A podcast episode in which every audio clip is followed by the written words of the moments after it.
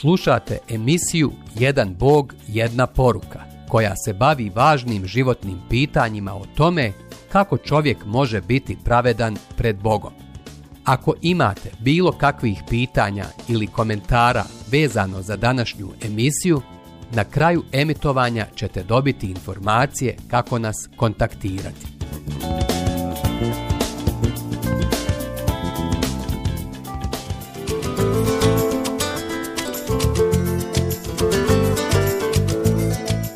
Jedan Bog, jedna poruka. 30. poglavlje Pogled na raj Golemi dio današnjeg svijeta smatra da je yin-yang stav o zlu, ono što je ispravno.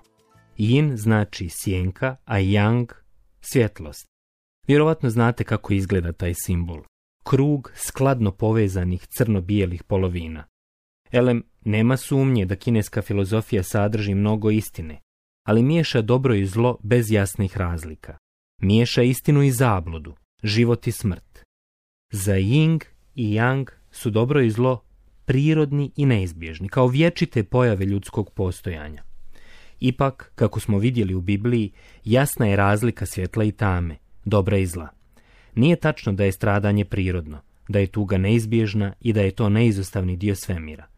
Dakle, dolazi dan kada će zlo, bol i smrti biti izliveni kao čaša po posljednji put, te potom zaovijek nestati sa scene stvarnosti. Mi danas živimo u ovoj središnjoj, vremenskoj kategoriji pomiješanog dobra i zla. Čini se kao da je tako oduvijek i da će biti dovijeka, ali nije, ni jedno ni drugo.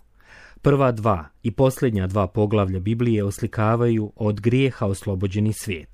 To je svijet u kome se Bog rado voli i uzdiže. Između ovih poglavlja vidimo Boga koji ostvaruje svoj plan obračuna sa grijehom i posljedicama njegovog prokletstva. Koji je to plan? Da sebi otkupi narod koji ga voli, koji ga poznaje i želi sa njima provesti vječnost. Poput svih dobrih priča, i Božja priča otkupljenja ima početak, sredinu i svršetak. Početak, postanak prva i druga glava, Savršeni svijet prije provale zla. Sredina. Postanak treća glava pa sve do otkrivenja dvadesete glave.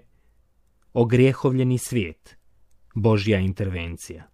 Svršetak. Otkrivenje 21. i 22. glava. Savršeni svijet. Odstranjeno zlo. Knjiga svršetaka. Kao što je prva knjiga Biblije knjiga početaka, tako je i njena posljednja knjiga, knjiga svršetaka. Postanak je početak svega, a otkrivenje je uživanje u svemu. Otkrivenje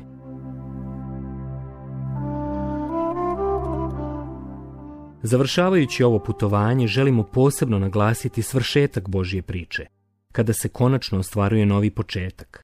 Elem, evo kako počinje biblijska posljednja knjiga. Otkrivenje Isusa Krista – njemu ga dade Bog da on pokaže slugama svojim ono što se ima dogoditi ubrzo. I on to označi poslavši svog anđela sluzi svomu Ivanu, koji posvjedoči za riječ Božju i za svjedočanstvo Isusa Krista, za sve što vidje. Blago onomu koji čita i onima što slušaju riječi ovog proroštva, te čuvaju što je u njem napisano, jer vrijeme je blizu. I od Isusa Krista, svjedoka vjernoga prvorođenca od mrtvih, vladara nad kraljevima zemaljskim, njemu koji nas ljubi, koji nas krvlju svojom otkupi od naših grijeha, te nas učini kraljevstvom, svećenicima Bogu i Ocu svojemu. Njemu slava i vlast u vijeke vijekova. Amen. Gle, dolazi s oblacima i gledat će ga svako oko, svi koji su ga proboli, i naricat će nad njim sva plemena zemaljska. Da. Amen. Ja sam alfa i omega, govori gospodin Bog, onaj koji jest i koji bijaše i koji dolazi, sve vladar. Otkrivenje, prva glava, od prvog do trećeg stiha i od petog do osmog stiha. Bog je sve ovo izrekao svom sluzi Ivanu, jednom od dvanaestorice učenika koji su pratili Isusa tokom zemaljske službe. Šest decenija nakon što se Isus vratio na nebo, Boga je nadahnuo da napiše ovu posljednju knjigu za biblijski kanon. Izvorni naziv Apokalipsa znači otkrivenje. Ova nevjerovatna knjiga otkriva događaje i stvari koje ljudski rod ne može pojmiti. Naglašava kako Bog opravdava sebe, svoje ime, kako obnavlja vlast čovjeka nad tvorevinom, izgubljenom provalom grijeha. U tom smislu je ova knjiga pravi pogled na raj. Prijesto.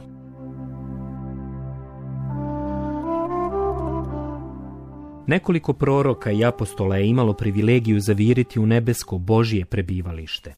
Ali niko nije vidio toliko kao Ivan koji piše. Nakon toga vidjeh, gle, vrata otvorena na nebu. A onaj prijašnji glas, što ga ono začuh kao glas trublje što govoreše sa mnom, reče Uziđi ovamo i pokazat ću ti što se ima dogoditi nakon ovoga. I odmah se u duhu zanijeh kad gle. Prijestolje stajaše na nebu i na prijestolje netko sjede. Taj što sjede bijaše nalik na jaspis i sard, dva draga kamena. A uokolo prijestolja duga slična smaragdu. Otkrivenje četvrta glava od prvog do trećeg stiha. Ivan opisuje dramu pred božanskim prijestolom. Slava prosto oduzima dah.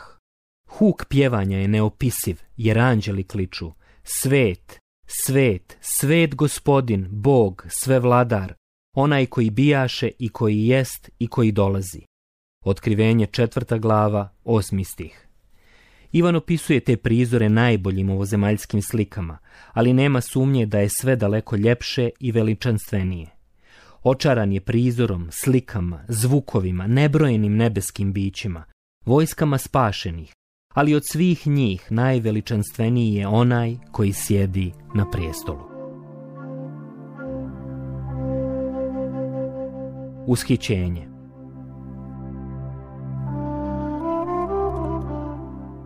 Religije svijeta odslikavaju raj na mnoge načine. Neki su baš dosadne. Možda ste viđali i neke crteže. Ljude u bijelom kako sjede dokono na oblacima sviraju harfe – ali to svakako nije biblijski opis slave i nebeske radosti. Neki opisuju raj kao mjesto neprekidnog seksualnog uživanja za muškarce. I to je teška zabluda. Gospod je jasno rekao još o prvom dolasku. O uskrsnuću niti se žene, niti udaju, nego su kao anđeli na nebu. Matejevo evanđelje 22. glava 30. stih.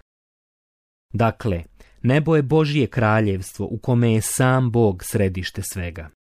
Mjesto radosti, čudesne ushićenosti u prisustvu beskrajne mudrosti i nikada prekinute ljubavi. Nebo je mjesto savršenih odnosa koji prevazilaze sve ovdje znano na tu temu. Naime, Bog je ovdje osmislio brak, da bi nam dočarao odnos slave koji će čitavu vječnost postojati između njega i otkupljenog naroda. Čak je i najbolji brak na zemlji daleko od one radosti i svetog zajedništva spašenih koji su sjedinjeni s Kristom da bi dovijeka uživali jedno u drugom. Biblija taj odnos naziva velikom tajnom, Efežanima poslanica peta glava 32. stih. Zato se služi slikom braka kada kaže Blago onima koji su pozvani na svadbenu gozbu Jagančevu, otkrivenje 19. glava 9. stih. je dakle biti s njim.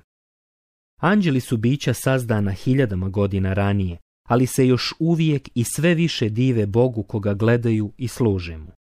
Tako će biti i sa nama, otkupljenom djecom Adamovom. Treba će nam sva vječnost da dokučimo ljepotu, mudrost i savršenstvo našeg gospoda Boga, baš kako čitamo u psalmu. Kako su mi, Bože, naumi tvoji nedokučivi, kako li je neprocijenjiv zbroj njihov, da ih brojim, više ih je nego pijeska. Dođem li im do kraja, ti mi preostaješ. Psalam 139, 17 i 18 stih. Da, nebo je mjesto gdje smo s njim. Ushićenje i radost tog prisustva nikada ne prestaju, nikada ne blijede. Dakle, uopšte nije pitanje da li je to mjesto dosade. Šta više pitanje je hoćemo li biti u stanju da skinemo pogled s njega. Kako reče psalmista – pokazat ćeš mi stazu u život, puninu radosti pred licem svojim, sebi zdesna, desna blaženstvo vječno. Psalam 16. 11. stih. Mnoštvo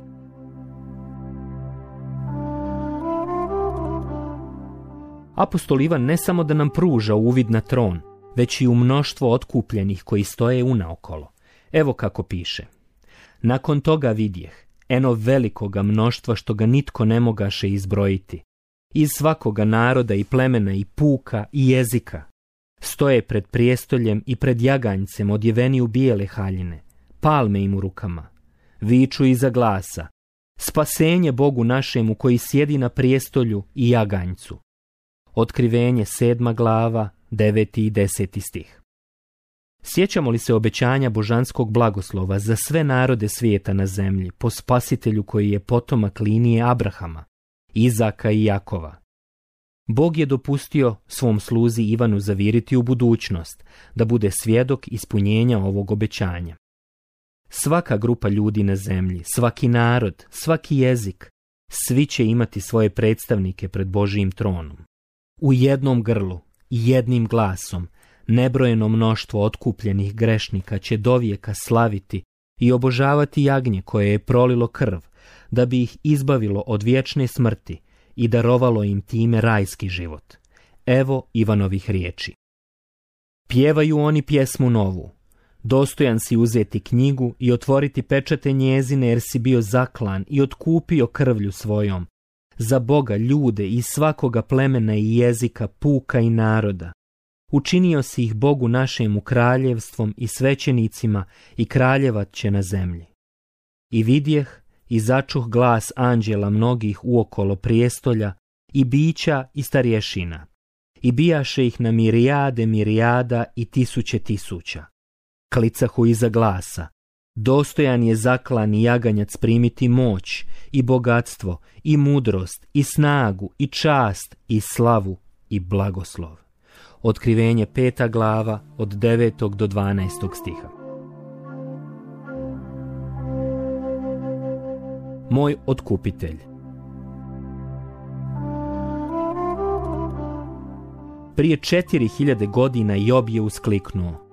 Ja znadem dobro, moj izbavitelj živi i posljednji će on nad zemljom ustati, a kad se probudim, k sebi će me dići i svoje ću puti tad vidjeti Boga Njega ja ću kao svojega gledati i očima mojim neće biti stranac. Za njime srce mi čezne u grudima. Knjiga o Jobu, 19. glava, od 25. do 27. stiha. A naše srce, čezne li, žudi li vidjeti Boga? Poznajemo li ga kao otkupitelja? Svi iskreni vjernici dijele ovu nadu sa Jobom. Prijatelju, ne znam za tebe, ali za sebe znam – i ja ću licem klicu licu sresti mog otkupitelja. Vidjet ću ga, hodaću i pričat ću sa sinom Božim, koji me ljubio i predao samoga sebe za mene. Galačanima poslanica druga glava 20. stih. Danas uživam u predivnom zajedništvu sa Božijim narodom iz svih naroda, sa porodicama i prijateljima koji znaju gospoda, ali svim srcem se nadam da ću i vas sresti jednom tamo gore a najviše se radujem što ću tamo sresti njega, Isusa. On me je spasio od zasluženog pakla. Jedna od najdivnijih istina o kojima uživam razmišljati jeste baš ta. Bog me želi da drugujemo za vječnost. On, sa mnom, one noći, kada su ga uhvatili i potom razapeli, Isus se molio ocu. Oče, hoću da i oni, koje si mi dao, budu gdje sam ja, da i oni budu sa mnom, da gledaju moju slavu, slavu koju si mi dao jer si me ljubio prije postanka svijeta.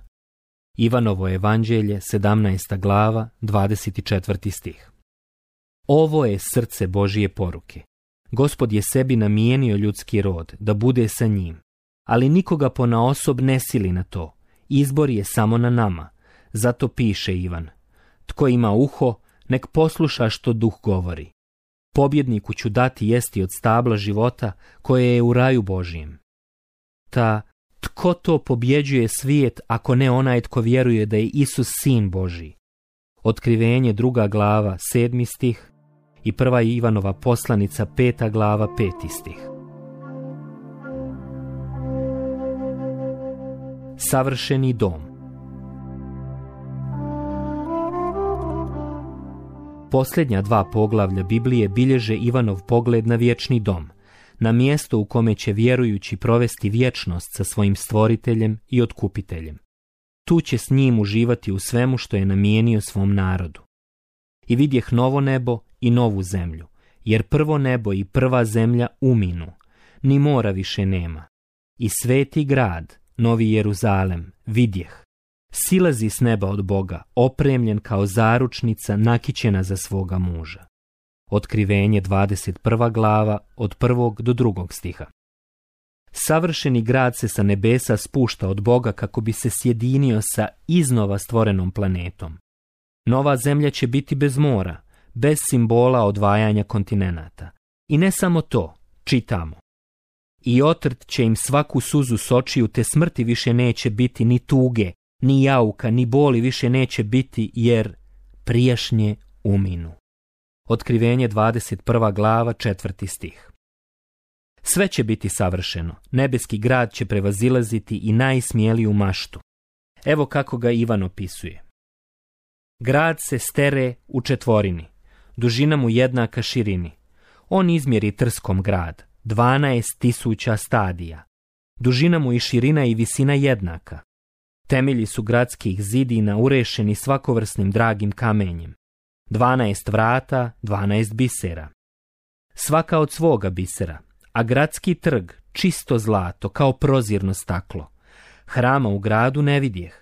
Ta gospod, Bog, sve vladar, hram je njegov i jaganjac. I gradu ne treba ni sunca ni mjeseca da mu svijetle.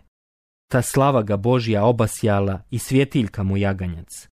Narodi će hoditi u svjetlosti njegovoj, ali unj neće unići ništa nečisto i nijedan tko čini gadost i laž, nego samo oni koji su zapisani u Jagančevoj knjizi života.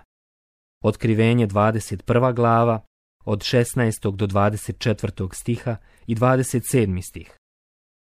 Kolosalni grad će blještati do zadnje pojedinosti, čak će mu i ulice biti od čistog zlata.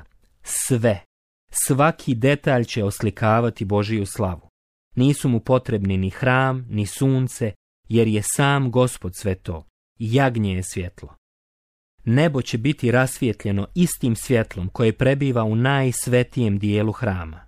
Kojim to svjetlom? Svjetlom onoga koji je rekao, ja sam svjetlo svijeta. Ivanovo evanđelje, osma glava, 12. stih. Ovaj savršeni grad je savršenog, kockastog oblika. Takva je bila i svetinja nad svetinjama u čatoru od sastanka, u svetištu koje je simbolizovalo nebo. Dužina mu je 2200 km. To znači da će kao kocka ulaziti u stratosferu, u svemir. Kakav dom u kome će svaki stanovnik neba imati svoje mjesto, svoj stan. Tamo će biti samo oni koji su zabilježeni u knjizi života, samo oni koji su se još za ovo zemaljskog života pouzdali u jedinog trojedinog Boga za spasenje. I to nije sve. Evo opisa i vrta koji će biti usred ovog grada. I pokaza mi rijeku vode, života, bistru kao prozirac, izvire iz prijestolja Božijeg i Jagančeva. Pored gradskoga trga s obje strane rijeke stablo života. I neće više biti nikakva prokledstva, i prijestolje će Božije i Jagančevo biti u gradu i sluge će mu se njegove klanjati i gledati lice njegovo, a ime će im njegovo biti na čelima. Noći više biti neće i neće trebati svjetla od svjetiljke ni svjetla sunčeva. Obasjavat će ih gospod Bog i oni će kraljevati u vijeke vijekova. Otkrivenje 22. glava od 1. do 5. stiha. Hvala vam što ste slušali današnju emisiju. Kontaktirajte nas putem našeg e-maila putpravednosti.bih gmail.com ili putem naše Facebook stranice Put pravednosti. Do sljedećeg slušanja.